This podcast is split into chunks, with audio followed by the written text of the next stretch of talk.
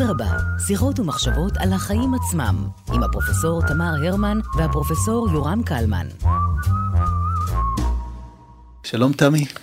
שלום יורם, יש לנו שיחה מעניינת מאוד בנושא שלא מדובר בו רבות, אבל אולי עוד ידובר בו גם בכאן ועכשיו, והנושא שלנו הוא... נכון, בסדרה של התנגדות אזרחית אנחנו היום מדברים על גנדי והתנגדות לא אלימה, והאורח שלנו הוא קולגה, אה, דוקטור אייזק לובלסקי.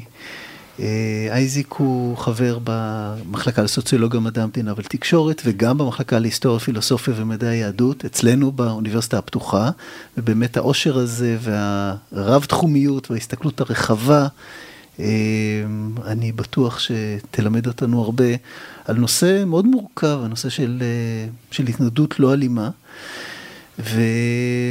ונקפוץ אל המים, יש לנו את גנדי ויש את ההתנגדות לשלטון הבריטי, איך כל זה מתחיל ומתי זה נושא האי אלימות עומד על הפרק. כן, שאלה מאוד גדולה. אז קודם כל שלום, גם לתמי וגם ליאורם וגם למאזינים. הסיפור של גנדי והתנגדות בלתי אלימה הוא סיפור מורכב, שמתהווה לו ונתבע לו, אם אפשר לקרוא לזה כך, במשך עשרות שנים. של פעילות של האיש המעניין הזה, שאני אשמח ביחד איתכם קצת לפרוט את מקורות ההשפעה עליו, את האופן שבו הוא בעצם מגבש את אה, התורה שלו, אם ניתן לקרוא לה כך. זה גנדי בגדול הוא תוצר, קודם כל צריך להבין שמציאות שאפיינה לא מעטים בתקופה שלו, הוא יליד 1869, תקופה של שיא השלטון הבריטי בהודו, אם ניתן אה, לקרוא לזה כך, והוא תוצר של מערכת חינוך שהבריטים בונים בהודו, ולמעשה כשהוא מסיים את חוק לימודיו בתיכון, ניתן לבוא ולומר שהשפה המרכזית שבה הוא שולט, השפה שבה הוא חושב, השפה, השפה שבה הוא גם כותב במידה רבה היא האנגלית, שפתו של הכובש. בדומה לרבים אחרים בתקופתו. הנושא הזה, אתם יודעים, הוא קיים גם אצל אה, הומי בבא, אה, ההודי, שמדבר על חברה היברידית, שבזמן כיבוש אה, של גורם זר, הרבה פעמים נוצרת קבוצת אליטה, שמורכבת מאנשי הקבוצה של הכפיפים, של הילידים.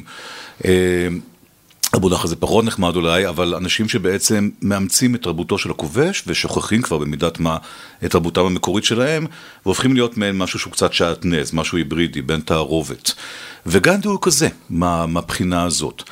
אני הולך לציין את זה קודם כל, כיוון שכאשר הוא אה, עומד על דעתו בגיל 18 ומחליט בניגוד לדעת הג'אטי, כן, שזה הקבוצה, נגיד בעברי בדרך כלל נשתמש במילה קסטה, אבל זה לא בדיוק זה, אה, ובניגוד לדעת אימו גם, הוא תצא מאביו כמה שנים קודם לכן, לנסוע לבריטניה וללמוד שם משפטים. והוא עושה את זה באופן עצמאי לגמרי, על חשבונו שלו, וחי חיים מאוד דלים ב- בלונדון כשהוא נמצא שם שלוש שנים ומסיים את חוק לימודיו. הוא למעשה בתקופה הזאת ממש רוצה להיות אנגלי. כן, ממש רוצה להיות מערבי, והוא בטוח שזו התרבות העילית וזו התרבות שכדאי גם להימנות עימה. כלומר, אלה הערכים שהוא ספג בבית הספר. אה, באוטוביוגרפיה שלו הוא מספר שהמורים שלו אמרו לו באופן חד וחלק שהתרבות שלו, התרבות ההינדואית, היא תרבות נחותה. תרבות שיש לזרוק אותה מאחורי הגב, להיפטר ממנה ולאמץ את תרבותם של, אה, של האנגלים. אחרי שהוא נמצא באנגליה מספר שנים, הוא הופך להיות אחד מעורכי הדין ההודים היחידים שנושאים בתואר של, אה, של בריסטר, כן, של פרקליט מאוניברסיטה בריטית. הוא לא חוזר להודו. הוא חוזר להודו לשלוש שנים, שם הוא למרבה הפתעתו מובטל. לא מוצא עבודה למרות שהוא היה משוכנע שכעורך דין הוא ימצא עבודה במהירות והוא נאלץ בסופו של עניין להיענות לבקשה שמגיעה אליו דרך אח שלו מאיזשהו סוחר מוסלמי הודי שגר בדרום אפריקה, חלק מהקולוניה שמונה כמה אלפי סוחרים הודים בדרום אפריקה, אנשים עמידים למדי, ואותו סוחר נדרש לעורך דין שייצג אותו בתביעה מול סוחר הודי אחר. הוא מעדיף אה, הודי, שיוכל לדבר איתו ולהבין אותו, במקום לקחת את שירותיו של עורך דין בריטי.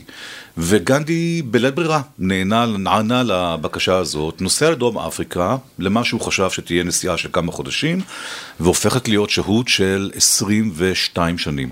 בין 1893 ל-1915, שזו השנה שבה הוא חוזר להודו בסופו של עניין, כאשר באותה תקופה ארוכה בדרום אפריקה הוא מגבש את אותה תורה מפורסמת שלו, שהוא מכנה אותה בעברית אחיזה באמת, סטיאגרה, בסנסקריט, וממנה נובעת גם התורה וכל האידיאולוגיה שלו של התנגדות בלתי אלימה.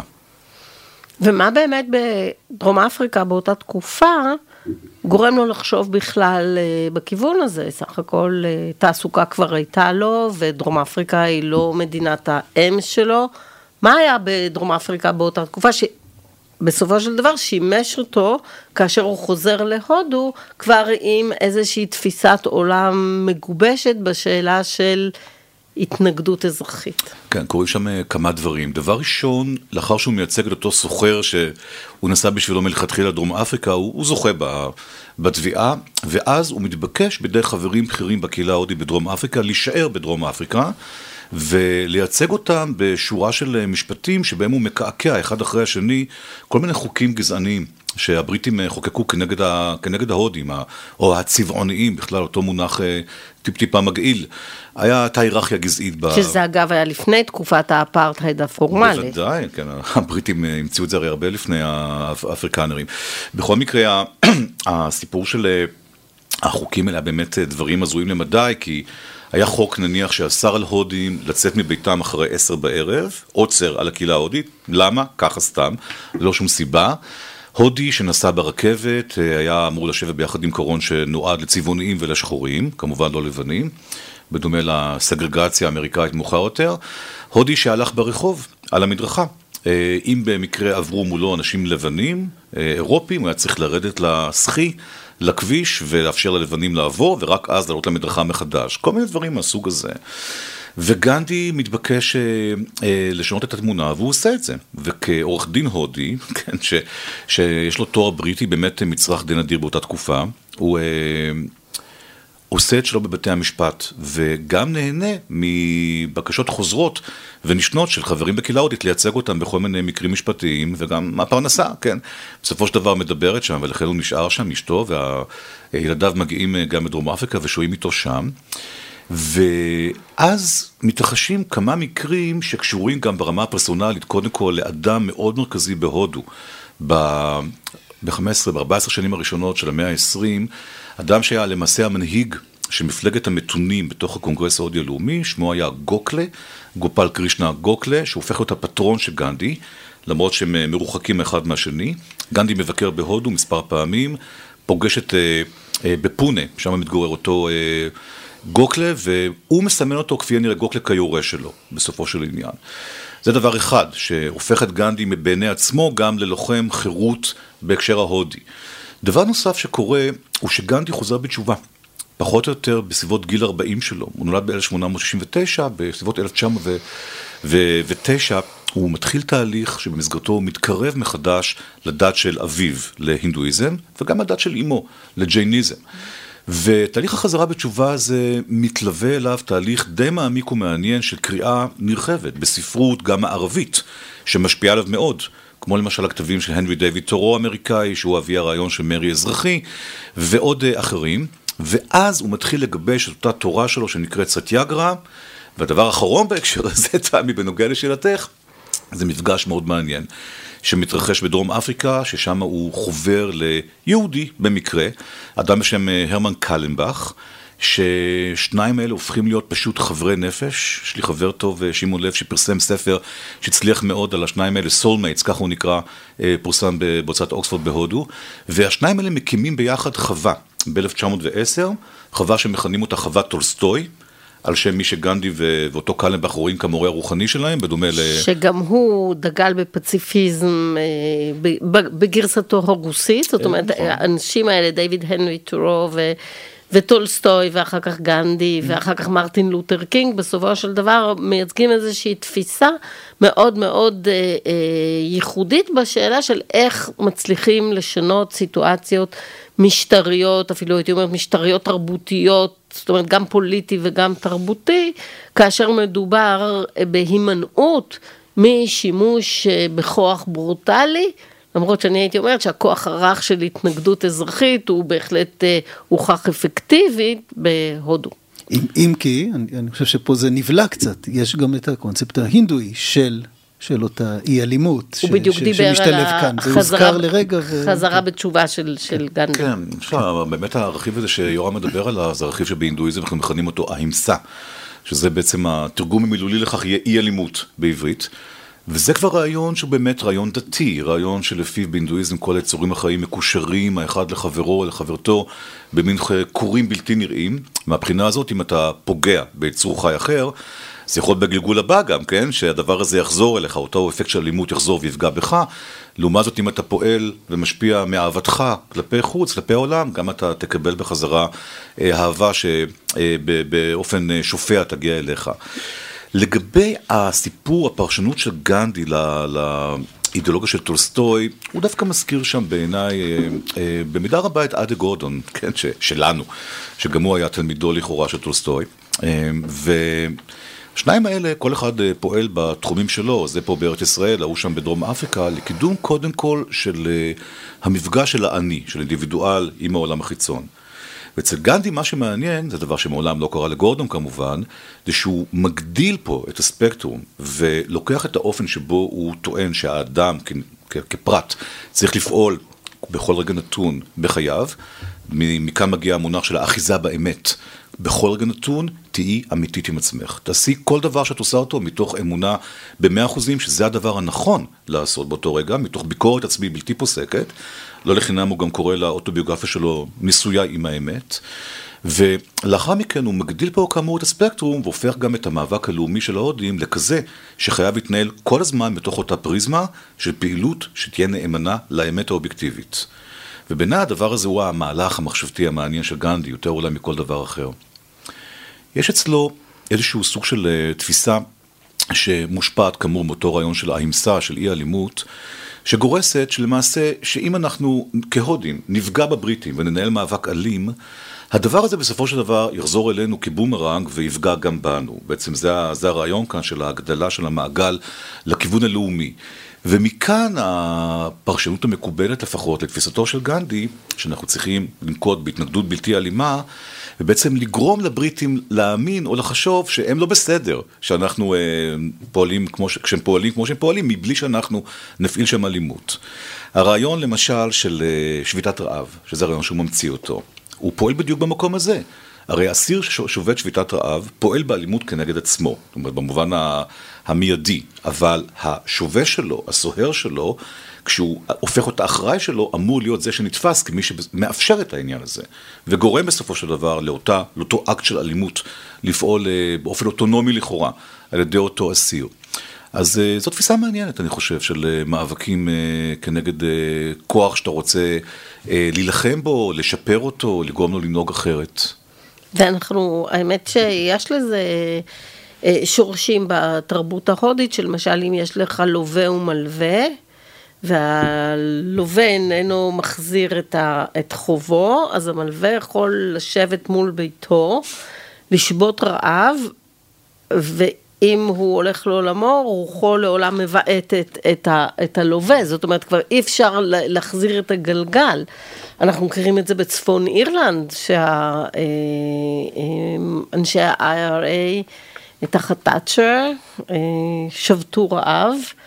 אה, היא לא מצמצה, חלקם הלכו לעולמם, לא בשיבה טובה, אבל זה הצית אה, אה, הרבה מאוד תחושות קשות בקהילה הקתולית באירלנד, וגרם לגלים של מהומות, זאת אומרת, זו, דרך אחרת בסופו של דבר לעשות איזושהי... טרנספורמציה בחשיבה גם של ה... היריב שלך או של האויב שלך וגם בקהילה שלך עצמה, זאת אומרת, זו דרך אחרת, כי אם היית משתמש נגיד רק בכוח אלים, ייתכן שהקהילה שלך הייתה אה, מסתייגת ממך, ואנחנו יודעים ששוב בדרום אפריקה, שוב בצפון אירלנד, כאשר אה, באומה שמו פצצה מאוד גדולה שאנשים נפגעו, הייתה אה, תופעה של משיכת התמיכה. ב-IRA, ולמרות שזה היה התחלופה של ה-IRA, mm-hmm. אבל אה, זאת באמת השאלה, זאת אומרת, האם הימנעות משימוש בכוח אלים, אבל כן שימוש בכוח מוסרי, כמה זה אפקטיבי, ומה באמת זה עשה בהודו? זו שאלה מצוינת, ואני חושב שהיא גם תלויה הרבה פעמים בגורמים שפועלים, כלומר, כנגד מי מופעל הכוח ומי בעצם הצד הפסיבי לכאורה, שאמור להגיב. אני חושב שמה שסיפרת באירלנד הוא דוגמה מצוינת, אבל היא דוגמה מצוינת גם בהקשר למה שלא הזכרת, עמי, וזה הקהל, או דת הקהל בבריטניה עצמה. אצל הכובש במקרה הזה, או ה, ה, מי שנתפס ככובש בידי המחתרת, בידי ה-IRA, ובהקשר להודו, מה שקרה שם היה אפקט מאוד מאוד דומה ומאוד מעניין, כאשר בעצם הגורמים שמזוהים נגיד עם הלייבור, עם מפלגת הלייבור הבריטית, במשך תקופה מאוד ארוכה, שבה גנדי הופך את עצמו לסמל המאבק בהודו כנגד הבריטים, ויושב בכלא גם אה, חודשים ארוכים, מדי שנה, אה, הופך להיות סוג של גיבור, דווקא בקרב האופוזיציה הפוליטית בבריטניה, אה, שרואה בו סוג של אדם ראוי להערכה. כלומר, אני לא יודע אם יש פה היבט דתי בהקשר האנגליקני, אני לא, לא חושב שזה בהכרח קשור לעניין הזה, אבל אין ספק שכן, בבריטניה אנחנו יכולים לראות הערכה כלפי דמויות מהסוג הזה. אני חושב שגם במקרים אחרים, כשדת הקהל הבריטית uh, מונעת ואפשר להניע אותה לכיוון מסוים, כשאנחנו רואים אותה מתרשמת מאקט של אלטרואיזם קיצוני, מאקט של אדם שבעצמו סובל uh, במובן הישועי. כן, בהקשר הנוצרי הזה. לא לחינם כאשר אה, צ'רצ'יל עף מהשלטון ב-45, מסתיימת מלחמת העולם השנייה עם אותן בחירות מטורפות לגמרי, שאטלי, כן, והלייבר לוקחים את השלטון, אה, ששנתיים לאחר מכן הבריטים מעניקים עצמאות להודו. כן, אומרת, מצד, לא שני, מצד שני, אם ניקח את אה, מה שקרה בארץ ישראל באותה תקופה, גם, גם פה הסתיים בסופו של דבר המנדט הבריטי אחרי התנגדות אלימה, ובאמת עולה השאלה עד כמה הגישה הבלתי אלימה היא המפתח להצלחה. או שזו תמונה מורכבת יותר? אני חושב שזו שאלה תמיד שיש לה כל מיני פנים, אה, ואני גם, בזמן שאתה מדבר, אני חושב, רגע, בעצם עד כמה ההתנגדות כאן הייתה אלימה לבריטים. זאת אומרת, אה, אני חושב על הפיגוע בקינג דיוויד, בסדר, אבל בגדול, נגיד המג'וריטי, הרוב פה, ארגון ההגנה, דווקא דגלו בגישה של אה, אי אלימות מהבחינה הזאת. הפרופורציות שונות, התקופה של השלטון שונה, מראש הבריטים גם לא מגדירים את אה, ארץ ישראל או פלסטינה כקולוניה, מהבחינה הזאת. ואגב, ברגע שהודו למעשה משתחררת, כבר לא היה צורך בישראל, כי אה, פלסטינה הייתה בין תחנת ביניים להודו בהקשר הזה, מבחינת הקונספציה של המרחב הגיאוגרפי הגדול. ברמה מסוימת כן, אני חושב שהסיפור הבריטי בהקשר הזה הוא מורכב יותר, והוא שייך אולי גם לשיחה מסוג אחר כן. על נכון. המשיחיות והתפיסות הפונדמנטליסטיות הנוצריות של הבריטים אה, בהקשר לתנועה הציונית וכדומה. שגם על זה אתה חוקר וכותב בזה, אבל זה נעשה את זה בהזדמנות אחרת. אז, אז חוץ משביתות רעב, איזה עוד אה, אה, אמצעים גנדי הציע לאנשים שהלכו אחריו? יש אה, סיפור מאוד מפורסם, שמן הסתם אתם אה, אה, מכירים אותו, הסיפור של צעדת המלח, שבה הוא צועד עם החסידים שלו, כמה עשרות חסידים, ב-1930, לחוף הים בדנדי בהודו, במחאה על כך שהבריטים מעלים את המס על המלח במשהו ממש סמלי, כן, הרי זה סכומים כמעט מגוחכים. ושם גנדי מיישם את הדברים שעליהם הוא עובד כבר בדרום אפריקה בחוות טולסטוי, בכל מה שקשור למאבק שלו כנגד תרבות הצרכנות, שזה גם עוד אספקט בהגות שלו, מעבר לעניין של המלחמה בבריטים. הוא משלב את אה, שני הנושאים האלה ביחד, כי הבריטים שולטים במשק ההודי, כן, בכלכלה ההודית, והופכים למעשה את ההודים לשבויים שלהם גם ברמה של ה consuming, של צריכת המוצרים, וגנדי הלא מאמין שכל דבר שרק ניתן לייצר לבד, עדיף לייצר אותו לבד ולא לקנות אותו בחנות. וכולנו מכירים את התמונה שלו, טווה את החוט שממנו לכאורה... כן. אה, יארג הבגד שאותו הוא לובש. זה לא לכאורה, הוא, גם, הוא גם עשה את זה, הוא, רק, הוא למד לארוג בנול ידני, והוא לובש את ה... אנחנו קוראים לזה תמיד במחקר שלו, את החיתול, כן? שהוא לובש בזמן שהוא פוגש אנשים אה, מלכים ו- ו- ונסיכות ו- ומנהיגים ומנהיגות, אה, ואין לו שום בעיה להיות עם אותו אזור חלציים ותו לא. אני רק רוצה לומר לך שבתור מי שהורגת, צריך הרבה מאוד חוט. במיוחד כל כך דקיק, גם בשביל ארוזור חלציים. אני לא בטוחה שכל התלבושות שלו היו עשויות מהחוט שהוא טבע, אבל סימבולית זה כמובן עשה... בוודאי. מהלך מאוד חשוב. כן, באותה צעדה ב-1930 היא צעדה שהרבה אנשים לא מודעים לכך, אבל הוא לוקח ביחד עם אותם עשרות צועדים, עשרות חסידים שצועדים איתו כדי להפיק את המלח ידנית מהים, הוא לוקח איתו גם עשרות אנשי תקשורת, צלמי קולנוע, עיתונאים, שמתעדים נונסטופ את האירוע הזה כל הזמן. הזמן כל צעד שהם צועדים, הוא היה אשף תקשורת, גנדי, כאילו באמת אה, אדם שידע היטב מה לעשות עם אה, תקשורת המונים, וזה גם צעד שיש בו מן ההצהרתיות, כן, הנה אנחנו מפיקים מלך לבד ולא נזקקים בעצם לבריטים שימכרו לנו את המלח שמיוצר בים שלנו, וזה גם צעד שמכוון ברמה הערכית, בואו נעשה את הדברים לבד בידינו, קודם כל כ, כפרטים, כן, אה, ולאחר מכן אה, נקנה פחות, נצרוך פחות. כן, אפשר להנגיד את זה לסיפור היסטורי על, על, על הבריטים 200, אה, כן, 200 שנה, 150 לפני מסיבת התה, זאת אומרת, הגישה האמריקאית ממש לא הייתה בלתי אלימה, תגובה אחרת, שכן, בסוף גם הביסה את הבריטים, אבל אלטרנטיבה. האם הציבור המוסלמי בהודו באותה תקופה גם כן קנה את תורת ההתנגדות האלימה של, של גנדי? באופן חלקי. אנחנו מדברים פה בתקופה הזאת בדיוק על ההתהוות של הגוף שנוצר בעשור השני של המאה ה-20, הליגה המוסלמית בראשותו של ג'ינה. והגוף הזה בהתחלה פועל כן בשיתוף פעולה, הוא נוצר מתוך הקונגרס ההודי הלאומי, אבל אה, בשנות ה-20 וה-30 בבירור, אנחנו יכולים במבט לאחור לפחות, לראות את הנטייה של מוחמד עלי ג'ינה אה, להגיע בסופו של דבר לפתרון שהבריטים מאמצים, והוא היפרדות חלוקה לשתי מדינות, מוסלמית והינדואית.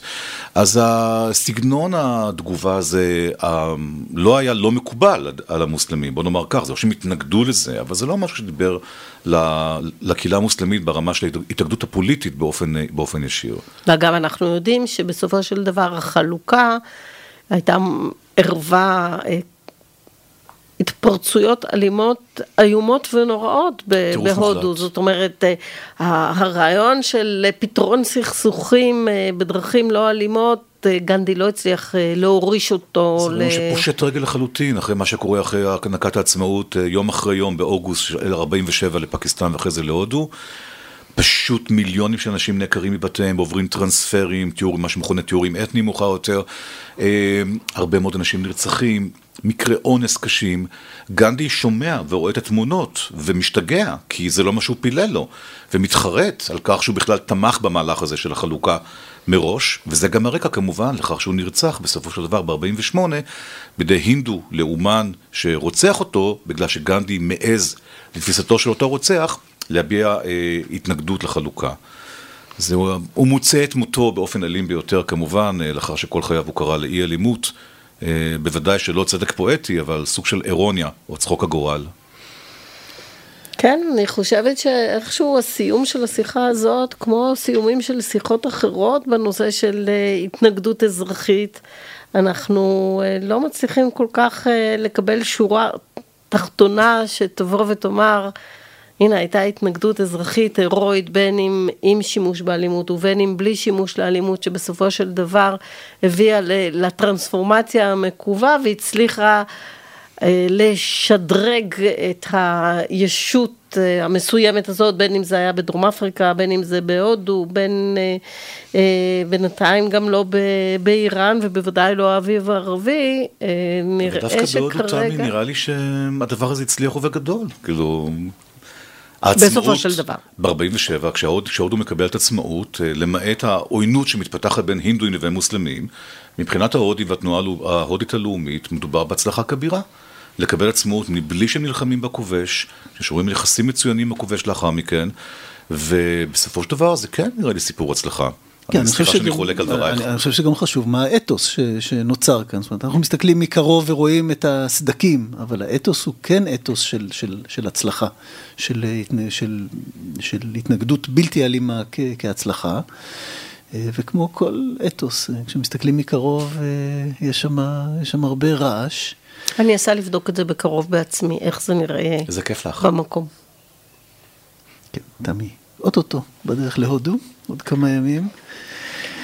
אה, תודה רבה, ואני חושבת שזה נתן איזו פרספקטיבה קצת אחרת על, ה, על הקשר בין הקונטקסט התרבותי והדתי לבין השיטות שאפשר לתרגם מאבק אזרחי לדברים שיש להם שורשים הרבה יותר אה, עמוקים, וזה לא בהכרח מתאים גם למקומות אחרים. זאת אומרת, הקשר בין הטכניקה או אפילו האסטרטגיה לבין ההקשר, מלמדת אותנו שלא כל דבר אפשר לעשות קופי פייסט ממקומות אחרים, וצריך להיות מאוד רגישים להקשר שבו פועלים.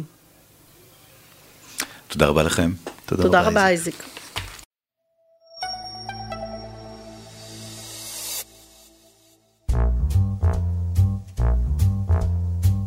אדרבה, שיחות ומחשבות על החיים עצמם, עם הפרופסור תמר הרמן והפרופסור יורם קלמן.